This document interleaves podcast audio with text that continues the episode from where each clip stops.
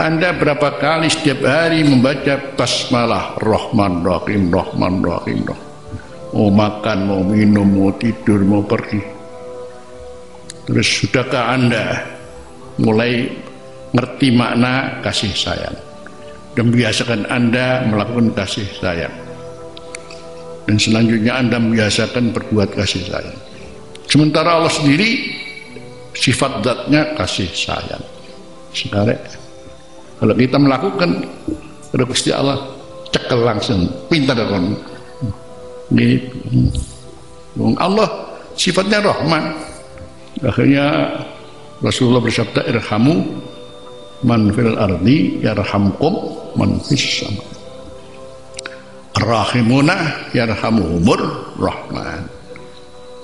Hmm. karena ini begitu anda melakukan kasih sayang langsung oleh Allah dipegang oleh Allah hmm. Hmm. hmm. makanya pakai kata rahim rahimuna bahasa Rasulullah begitu yarhamuhumur rahman di kata rahim rahimuna sementara ada hadis Rasulullah sallallahu alaihi wasallam itu daripada hadis Samah bin Zaid kisah tentang kapan cucunya Rasulullah ketika Sayyidah Zainab wafat. Ya. Kecil kemudian waktu wafat kemudian uh, Allah Rasulullah melihat bagaimana dia mau mengeluarkan nafasnya. Dan Rasulullah waktu itu juga harus meneteskan air mata merembak-merembak kok bisa ini keluar air mata katanya Rasulullah hadihi rahmatun ja'alahu fi qulubi ibadih. Hadihi rahmatun ja'alahu Allah fi qulubi ibadih jadi ketika Rasul mengeluarkan mata atas kematian cucunya kemudian Rasulullah mengatakan hadihi rahmatun ja'alahu fi qulubi ibadih kemudian muncul namanya riqqah kelembutan, kasih sayang, sakno. Isopo sing ini. Ini dari Allah.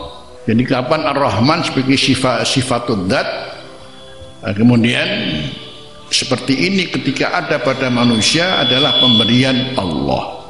Itu mensifatil af'al. Beda ya. Kalau Allah sendiri memang mengatakan pada dirinya Ar-Rahman berarti itulah Allah yang memang bersifat. Maka ketika Allah memberikan semacam uh, kepaten terus nangis ya.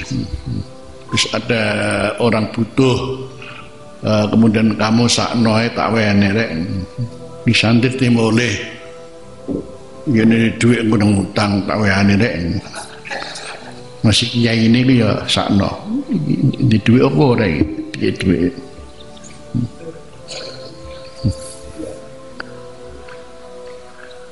Dari mana itu? Hadhihi rahmatun ja'alallahu fi qulubi ibadi.